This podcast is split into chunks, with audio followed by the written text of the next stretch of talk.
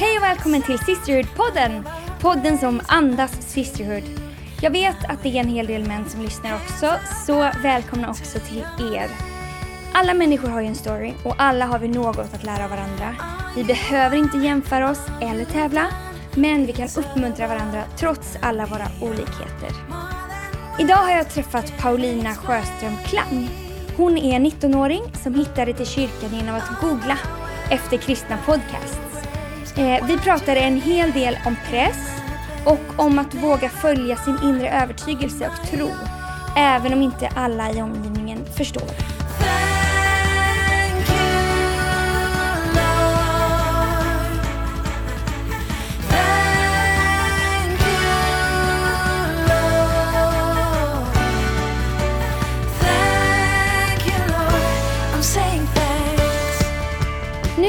Fått besök av Paulina Sjöström Klang på Sisterhood-podden. Välkommen! Tack Lina. Var drog du ditt första andetag? Det gjorde jag här i Stockholm på Södersjukhuset. Så jag är född och uppvuxen här. Var är du uppvuxen någonstans i Stockholm? På en ö som heter Stora Essingen Ja, på Kungsholmen. just det. Så om man inte kommer från Stockholm, jag vet inte om man tycker det är centralt eller inte. Ja, det kallas, det kallas landet mitt i stan faktiskt. Så det är lite båda. Bor din familj kvar? Eller Ja. bor du kvar? Ja, jag bor hemma hos min pappa och min lilla syster. Eh, när föddes du? 1999, så jag är alltså 19 år. Nästan på 2000-talet. Ja, Går du sista året på gymnasiet? ja sista året på gymnasiet. Vad går du för program? Samhällsvetenskapsprogrammet. Kul, Så gick det jag med. Gjorde du? Ja. ja. Vad gör du helst om du är ledig då? Um, då sover jag helst mycket. Alltid, alltid tycker jag om att sova. Um, är min familj. Men sen så är jag också alltid väldigt mån om att ha tid ensam. Jag älskar att vara kring andra människor och lära känna nya personer. Men jag tror nog att jag får min energi och liksom laddar om när jag är ensam. Så jag lyssnar på poddar, går promenader, har tid med Gud, kollar film. Det är jätteviktigt för mig. Om du skulle beskriva dig själv med tre ord, vad skulle du säga då? Mm, men jag är nog ganska social och öppen. Eh, och sen vill jag nog också tro att jag är ganska ansvarstagande också. Faktiskt. Ja, lite som en Social, anställningsintervju. öppen. Ja, precis. Flexibel och... Ja, eh, jobbar bra i grupp och ensam. Det är bra. Det låter som att du har en bra framtid. Ja, kan få en bra jobb. Om du eh, fick äta middag med vem som helst, död eller levande nu, vem skulle du äta middag med då? Oj, det är jättesvårt. Jag, jag inspireras verkligen och ser upp till så många kvinnor och tjejer. Ehm, men jag tycker Michelle Obama är ganska cool. Så henne skulle jag jättegärna äta med. Coolt. Vad skulle ni äta då? Pasta. Jag älskar jät- jättemycket mat, älskar all mat. Men pasta, italiensk mat, favorit. Gott. Får jag vara med? Ja. På er middag? Absolut. Drömmiddag. Vad, om du ska välja vänner, vad är det viktigast för dig? Egenskaper? Mm, jag har ganska mycket olika vänner. Eh, både vänner som jag haft sedan jag föddes, eh, nyare vänner och vänner som jag delar tron med. Så det är väldigt viktigt med att man kan vara olika, tycka olika, men ändå att man förstår varandra eller respekterar varandra är väldigt viktigt. Eh, jag har många kompisar som inte förstår varför jag tror på vissa saker, varför jag gör vissa saker, hur jag tänker, men som jag fortfarande har en jättebra relation med och som verkligen peppar mig och finns där för mig oavsett. Um, sen också väldigt viktigt för mig att man kan ha roligt tillsammans. Jag älskar att skratta, så det, det är viktigt. Eh, Att man kan vara öppen gentemot varandra, dela, dela med sig av saker. Viktigt. Har du någon favoritbibelvers? Ja, jag har jättemånga. Ehm, en favoritbibelvers är ganska känd. Ordspråksboken kapitel 3, vers 56 som säger Förtrösta på Herren av hela ditt hjärta, förlita dig inte på ditt förstånd. Räkna med honom på alla dina vägar så ska han jämna dina stigar. Och jag är en sån person som är ganska... Jag gillar att ha kontroll. Jag gillar att organisera, jag gillar att ha saker planerade, jag gillar att... Eh, jag vill helst göra saker så bra som jag kan. Eh, jag är väldigt mån om att se till så att saker blir gjorda, så saker blir bra. Och då är det otroligt skönt för mig att känna att jag både kan men också ska förtrösta på Herren. Och att jag verkligen kan räkna med honom. Det är jättebefriande för mig. Och något som jag måste påminna mig själv om hela tiden nästan. Men om du, som jag, tycker mm. om kontroll ja. och har koll på saker, har du eh, ställt höga krav på dig själv? Ja, alltid. Sen jag var liten. Um, Var kommer det ifrån, tror du? Jag är stora syster, så på ett sätt så kanske lite den rollen. Mina föräldrar har alltid sagt att Paulina, du, du är ett exempel, eh, hon kollar på dig och sådana saker. Men också för att jag alltid, jag alltid varit väldigt mån om vad andra tycker om mig faktiskt. Jag vill inte göra någon besviken, alltid känna mig stolt, vill alltid göra mina föräldrar stolta. Um, och så har det varit egentligen så länge jag kan minnas faktiskt. Mycket i skolan, uh, till att jag blir omtyckt av mina vänner och mina lärare och höga betyg har alltid varit väldigt viktigt för mig. Var det någonting positivt för dig eller var det någonting som blev en jobbig press? Alltså många sätt är det väldigt positivt för det har ju, det, alltså det öppnar ju dörrar att, ha, att prestera bra och det är väldigt mycket så vårt samhälle är byggt att man ska presterar man bra så då ses man som väldigt ambitiös och duktig. Men det har också gett mig jättemycket press. Och mycket har varit press som jag ställt på mig själv inifrån som inte egentligen någon annan har sagt. Men sen när det har blivit mött med att jag känt väldigt mycket press utifrån. När jag märker att andra börjar ställa höga krav på mig själv. När jag känner att jag borde vara så här, jag borde se ut så här. Eh, då har det verkligen blivit. Så hur har du gjort om det... Jag antar att det har gått ganska bra i skolan då. Mm. Men om du inte har lyckats prestera så som du har velat. Mm. Vad gör du då? Klankar du ner på dig själv eller har du gjort, hur har det varit?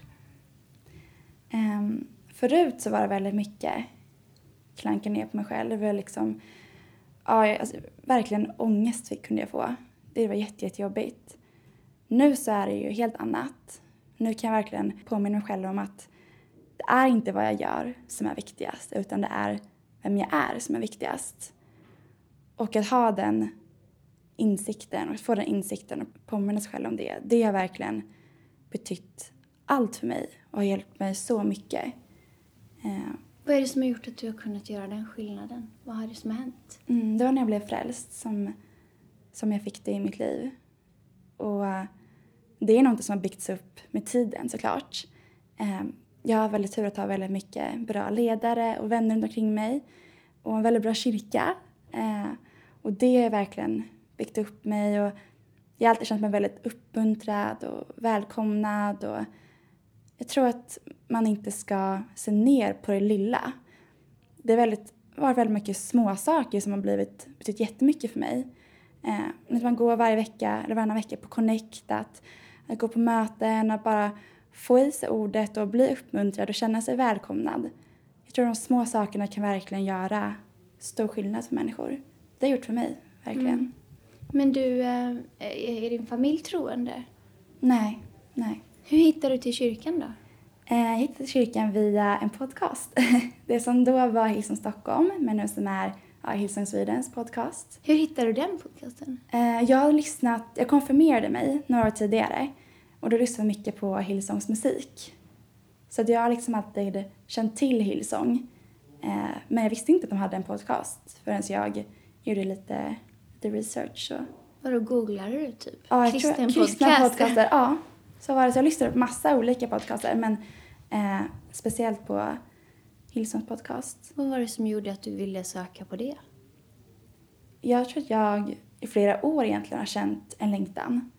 Eh, när jag konfirmerade, då, konfirmerade mig då så var det ju ett, ett aktivt beslut jag tog att åka dit. Jag var borta en månad. Och det gjorde jättemycket med min tro och med mig själv. Vart var det någonstans? I Värmland. Ah. Mitt ute, ingenstans. En sån eh, express, eller på säga, intensiv ja, en månad. Ah. man fick inte ha mobiler, man fick inte ha någonting. Så det tror jag var väldigt bra för mig, att jag fick komma ifrån allt, alla liksom press och krav hemifrån. Mm. Eh, så det gjorde jättemycket med, med vad jag trodde. Men sen när jag kom hem så tänkte jag, men, ja, jag tog inte riktigt med mig det hem kan man säga tänkte inte riktigt att jag behöver, jag behöver inte Gud, jag behöver inte kyrkan. Eh, så det var någonting som, ja men det planterade sig aldrig riktigt i mig. Men sen så tog det några år. Eh, och jag hade fortfarande kvar den här längtan. Jag kunde läsa Bibeln ibland, jag kunde be till Gud ibland men inte riktigt på riktigt så att säga. Sen så när jag började ettan i gymnasiet så eh, kände jag att det var liksom en peak med alla de här kraven. Och då är det väldigt mycket krav utifrån. Man lär känna massa nya personer, det är nya lärare, det är nya sammanhang och det är väldigt mycket så här ska man se ut, så här, så här många vänner ska man ha, så här ska man bete sig. Och jag tyckte att väldigt mycket handlade om mig. Jag kände otrolig press på mig själv. Och jag kände helt enkelt att det måste finnas mer. Jag tror att det finns mer för mig. Jag tror att det finns något annat som jag är mer menad för. Så då lyssnade du på en eller flera Mm, avsnitt? Många, Många? många avsnitt. Ja. Och sen så, vad gjorde du sen då? Så letade du reda på adressen till kyrkan eller? Mm. Jag kommer ihåg att i slutet av varje podcast sa de att eh, du vet väl att du alltid är välkommen på våra söndagsmöten. Och det var, det var väl en liten grej, men för mig betydde det verkligen jättemycket. För jag hade ju aldrig gått till en kyrka innan. Men jag kände ändå att det kommer nog inte vara så konstigt ändå om jag kommer dit. Men det tog ändå eh, flera månader innan jag vågade. Så en söndag så åkte jag dit. Då var jag på Cirkus här i Stockholm. Riktigt ensam. Jag var jätterädd, jättenervös. Men Vad hade du för förväntningar? Jag vet inte riktigt. Jag kommer ihåg att jag var väldigt mån om vad jag skulle ha på mig. Jag tänkte det var så att man inte får på sig vissa saker och man inte får göra vissa saker och så. Eh, men jag trodde nog aldrig att jag, skulle, att jag skulle känna mig så välkommen som jag faktiskt kände mig. Att det skulle kännas så starkt. Redan första lovsången så bara lyfte jag händerna och kände att wow, det här, det här är det liksom. Det här är det som jag längtade efter. Det här, det här är på riktigt för mig. Hur kände du när du klev in genom dörren då? Var det så här, kände du att åh, här passar jag inte in eller här, det här var stelt? Eller, visste du vart du skulle gå eller göra? Eller, ibland kan man känna sig, särskilt när man kommer till ett nytt, en ny plats själv. Ja. Så här en mingelsituation liksom. Mm. Ja, speciellt för mig som alltid varit väldigt mån om att, om att eh, passa in och, och så, så var det väldigt, det var verkligen en ny situation att komma till en kyrka. Mm. Jag kommer ihåg att jag stod utanför och bara, Paulina vad gör du egentligen? Vad, vad är det här liksom? Men jag tror bara några steg eh, in så blev jag typ haffad av någon som sa Hej, välkommen! Eh, det är första gången, du kan sitta med mig. Så det var ju verkligen så här, wow. Wow, det var så annorlunda gentemot vad jag känt på någon annan plats tidigare. Och det, det jag verkligen älskar med vår kyrka. Jag är så stolt över vår kyrka att oavsett vilka man tar med sig så vet man att här kommer människor bli välkomnade, här blir människor välkomnade hem. Och det är därför som jag verkligen engagerar mig så mycket i kyrkan och bryr mig så mycket för jag vet att det här verkligen kan förändra livet. Det kan betyda så mycket för människor. Så du har ju, hade lyssnat på podcasten ett tag. Mm. Vad var skillnaden då, att vara liksom i lokalen? Eh, det var ju väldigt, det var väldigt häftigt att, vara, att se så många som trodde. Eh, det betyder väldigt mycket för mig att säga, okej, det här är verkligen på riktigt för människor. Det här är både unga, äldre som säkert har haft Gud med sig hela sina liv och som verkligen tror på det här. Eh, lovsången var också jätte, jättestark och predikan var väldigt så här, kändes väldigt rätt för mig. Och eh, det var väldigt häftigt att vara i en sån atmosfär där jag insåg att okej, Gud har förändrat deras liv. Och jag tror att han kommer förändra mitt liv också. Så visste din familj om att du gick till kyrkan? Nej, Då? nej, Sa du till någon? nej. Berättade du när du hade varit där? Ja, det gjorde jag. Eh, jag kom hem och typ helt i extas. Men jag var väldigt, alltså det var verkligen starkt för mig. Kom på vägen hem från tunnelbanan så, alltså det, hjärtat bara klappade och jag kände verkligen så här wow. Eh, både kände jag mig lättad men också väldigt liksom wow. Eh, men jag tror mina föräldrar tyckte, ah, vad kul. Tänkte att det var lite en fas typ. Mm. Så det var inte så, blev inte så uppmärksammat liksom. Sen då? Märkte de att det var inte en fas? Mm. Eller en väldigt lång fas? Ja, en väldigt Så- lång fas. Ehm, nej men eh, jag bestämde mig för att döpa mig. Och det var lite så här, va? Ska du döpa dig? Du är redan döpt när jag var bebis. Eh, men de följde med. Och det var liksom inga konstigheter. Men sen tror jag när jag märkte att okej, det här är verkligen på riktigt för henne och det här, det här liksom, det här bryr jag mig om. Det här vill jag ära och det här, det här är min, min Gud är min glädje. Och han är min styrka och han är min tillflykt. Och då tror jag att det blev väldigt mycket, det var inte riktigt det de förväntade sig av mig kan man säga. Så det har varit mycket, det är fortfarande en kamp ibland. När jag känner att jag sviker dem för att jag inte gör som de vill. Så om man säger i deras ögon är inte det livet som du väljer, är det längre ner på skalan? Tror du att de förväntar sig mer Ja, av dig? ja jag tror det. Ja, Jag tror att... i eh, deras ögon mätt såklart. Ja. Jag tror inte riktigt de förstår. Eh, för mig är det så viktigt. Och jag tror ju verkligen på det. Men de, de förstår inte varför jag kan lägga så mycket tid eller liksom energi på någonting som de inte ser hur det påverkar. Jag vet ju att det som jag gör i kyrkan faktiskt kan eh, betyda någonting, göra skillnad. Men alltså, för dem så är det liksom dödtid eller eh, det finns andra saker jag borde göra. Och de frågar mig väldigt ofta, men hur går det med skolan, hur går det med skolan? Tycker att jag har bortprioriterat det. Men det har jag inte alls det och det har ju gått jättebra för mig i skolan och med jobb och med relationer. Så att jag tror ändå om att de börjar märka nu efter ja, lite mer än två år att okej, Paulina hon vet, hon vet vad hon gör ändå. Men eftersom du har lagt, eller eftersom du har satt mycket press på dig själv Mm. tidigare, eller alltid, Ja, gärna vill vara perfekt kanske, Mm. optimala målet. absolut, absolut. Eh, Känner du att dina föräldrar sätter press på dig? Eller att de har förväntan av mer av dig? Mm. Ja. Nu liksom. Hur hanterar du det nu? Mm. För du sa ju att det var lite annorlunda förr. Ja. Innan du lärde känna Gud. Jag tror att det är väldigt annorlunda nu gentemot förut. Men det är fortfarande ens föräldrar liksom. Det är fortfarande så här. "Åh, det finns inget som är min svagaste punkt så mycket som min familj. Såklart. Så det är fortfarande... Ibland så har jag frågat Gud att "Men hur kan, det här, hur kan det här vara rätt om det är så svårt? Eh, men jag har ju sett vilken frukt det har burit i mitt liv. Och någonstans så måste jag bara fortsätta förtrösta på Gud och tro på Gud. Och jag vet ju att det här är rätt. Och det har verkligen hjälpt mig att se på andra, andra i kyrkan och se att wow, vilken frukt deras liv har burit.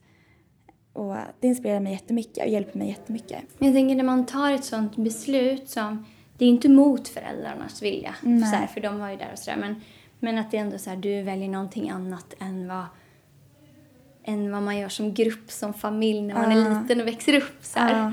Så väljer man ändå på något sätt liksom sin egen väg eller typ vad man tycker är viktigt. Hur har det påverkat din relation med dina föräldrar? Jag tror att min relation med mina föräldrar har förändrats ganska mycket. Speciellt också när jag blev äldre att eh, jag blev mer självständig. Ehm, jag eh, har en större egen vilja nu och är mer självständig och det har verkligen förändrat min relation med dem. Jag älskar fortfarande lika mycket och de älskar mig lika mycket. Men i vissa saker så så kan jag inte lyssna på dem. Då lyssnar jag hellre på andra personer för att jag vet att det är bättre för mig. Och det är klart en jättestor skillnad. Eh, men samtidigt som att det är jobbigt så vet jag också att det kommer bli bra liksom. Så när du gjorde det här, när du började gå till kyrkan och det här, och du från början inte kände någon, kände du dig ensam? Um, nej, det gjorde jag inte. Dels blev jag väldigt snabbt uppfångad, om man ska säga så. Eh, jag kände mig jättevälkomnad när jag kom till kyrkan. Och jag hade ju fortfarande massa vänner, och jag har fortfarande massa vänner utanför kyrkan. Och det var väl lite så här en safe att okej, om det inte går bra för mig i kyrkan då har jag mina vänner utanför liksom. Men eh, nej, jag känner mig fantastisk mottagen och eh, redan från första stund fick jag höra att jag är älskad, att jag är underbart skapad. Och, mm. Vad skulle du säga att Jesus har gjort för dig? Och han har gjort så mycket för mig. Det är så mycket. Det är verkligen... Jag tror nog inte jag insåg hur mycket jag behövde honom. Och jag inser det fortfarande inte. Alltså varje dag så behöver jag honom mer än förut. Framförallt så fick han mig känna att jag, att jag är värd något på riktigt. Jag tror mycket att min höga krav på mig själv och mina höga betyg har varit en lite säkerhet för mig. Att i perioder som kanske varit svårare så har jag ändå haft på papper liksom att okej, okay, jag är duktig. Här är mitt värde. Om allt annat går dåligt så här står det att jag är duktig. Och det har verkligen förändrats. Att nu tror jag att jag har ett värde. Inte för vad jag gör eller hur duktig jag är utan för det värde som han har satt på mig. Visst är du, visst är du ledare på Hillsong Kids? Mm. På Kids. Du är mm. ansvar för en åldersgrupp va? Är du det? Eller är du ja. bara i en åldersgrupp? Nej, jag, jag ansvarar för en åldersgrupp och sen så är jag ledare i, i Heroes också och i Youth och så. Just det. Så en åldersgrupp, vilken ålder är det? Eh, buddies. Så buddies 1 till 2. Uh. Och sen så Heroes som du sa, de är 10 mm. till 12. Mm. Och uh, Youth. Uh. Du, är du youth eller när slutar man vara youth? Eh, när man är 19, så jag, nu är jag mest ledare. Så. Ja, mm. precis. Eh, var det så naturligt för dig att vara ett föredöme och liksom leda andra eller hjälpa andra eller så eh, dels tror jag det alltid kommit väldigt naturligt för mig att eh, jag vill alltid hjälpa till och det var inte så att jag bestämde att så här, det här vill jag göra utan jag ville bara hjälpa till där det behövdes där det behövdes hjälp. Liksom. Eh, det är aldrig, det aldrig spelat någon stor roll för mig vad jag gör så länge jag gör något. Jag är väldigt flexibel på söndagar. Och om det behövs här, då är jag här. Och behövs det där, då är jag där. Eh, och framförallt så älskar jag att det aldrig handlat om, om vad jag gör. Utan jag har alltid fått bli ledd och alltid blivit uppmuntrad att bli använd av Gud. Jag har aldrig känt pressen att okej, okay, nu måste jag göra det här och det här. Eller de gånger jag känt det så har jag liksom, då inser jag att okej, okay, nu måste jag påminna mig själv om vad det är som är viktigt här. Mm. Men om du, om målbilden förut var lyckad, jag vet inte hur man ska, hur man ska sammanfatta det. ja. Lyckad, perfekt, mm. eh, snygg, populär. Snygg, Eller jag vet inte ja. liksom. Uh, vad är så målbilden för dig nu? Alltså det är inte att jag vill vara ful och inte omtyckt. Men målbilden för mig är helt annan nu. Och det har varit jättebefriande för mig att inse att okej, okay, jag behöver inte jämföra mig med de där för att jag har valt någonting annat. Och det är lite så som vi säger till, till barnen på Kids också att det finns andra spelregler i Guds rike. Att man, vissa saker ska man inte jämföra sig med för det är något annat för oss. Eh, så nu är målbilden mest att få, få hjälpa andra att få komma dit där jag är och att få komma länge såklart. Eh, det, det jag mest ser fram emot är, eh, är att få bli använd och känna att eh, jag behövs och att, jag, att Gud har liksom en plan för mig, vilket jag vet att han har. Så det ser jag mest fram emot. Att göra någonting som jag liksom känner att det här är, det här är Guds plan. Det här är inte något jag gör av egen, av egen kraft liksom, utan det här är Guds plan. Vad drömmer du om? Och jag drömmer om massa saker, Lina. Eh, min största dröm är såklart att se min familj frälst. Det är någonting som jag alltid ber om, alltid. Det är mycket mitt why också, att varför jag gör det här är för att jag vill se min familj frälst och jag vill se andra frälsta. Och sen så drömmer jag såklart också om att se kyrkan växa och blomstra. Och jag älskar barn, så det drömmer jag såklart om. Att få familj och, och det livet som jag, som jag drömt om men ändå, ändå inte. Det som Gud drömmer om för mig. Var är det som att du liksom så här inte har fått en ny dröm men att du ser... Du har fått en ny dröm som alltid fanns där fast ja. du inte visste om det. Ja, jo, men så är det faktiskt. Eh, det är därför tror jag det kändes så rätt från första stunden att så okej, okay, det här är det som jag har väntat på. Och jag bestämde mig ganska snabbt för att om jag gör det här, då gör jag det här helhjärtat. Jag tror att om jag ger allt jag har, då är jag övertygad om att Gud också kommer göra det. Och det har han verkligen gjort. Och därför är jag så övertygad om att Gud och jag kommer vandra tillsammans i resten av livet. Liksom. Vad ska du göra efter gymnasiet? Efter studenten? Då ska jag förhoppningsvis plugga till sjuksköterska, vilket jag ser jättemycket fram emot. Kul. Har du, har du velat det länge? Ja, det har jag.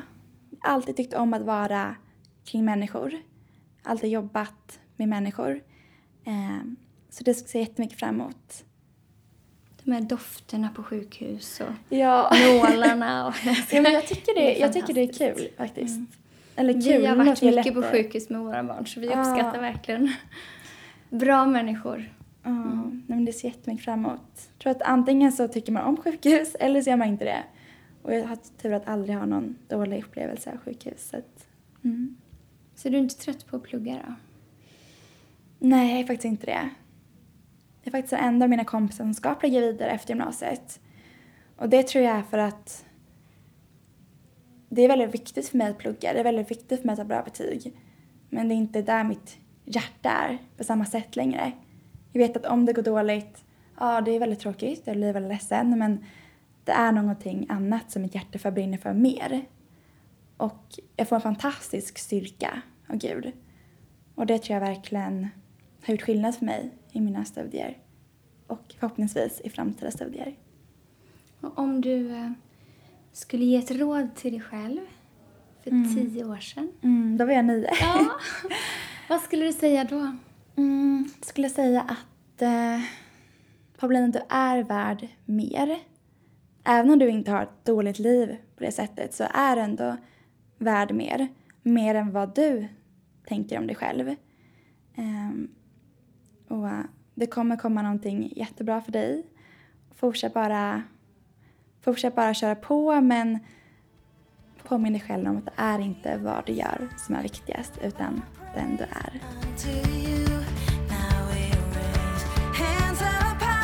Som min pastor Brian Houston säger, det finns mer. Det finns mer för dig och det finns mer för mig. Vi behöver bara göra det vi kan, så gör Gud det han kan. I oss, genom oss och för oss. I Efesierbrevet kapitel 3, vers 20 i Bibeln så står det att han, Gud, som verkar i oss och kan göra långt mycket mer än vi någonsin kan be om eller tänka oss, han ska bli ärad.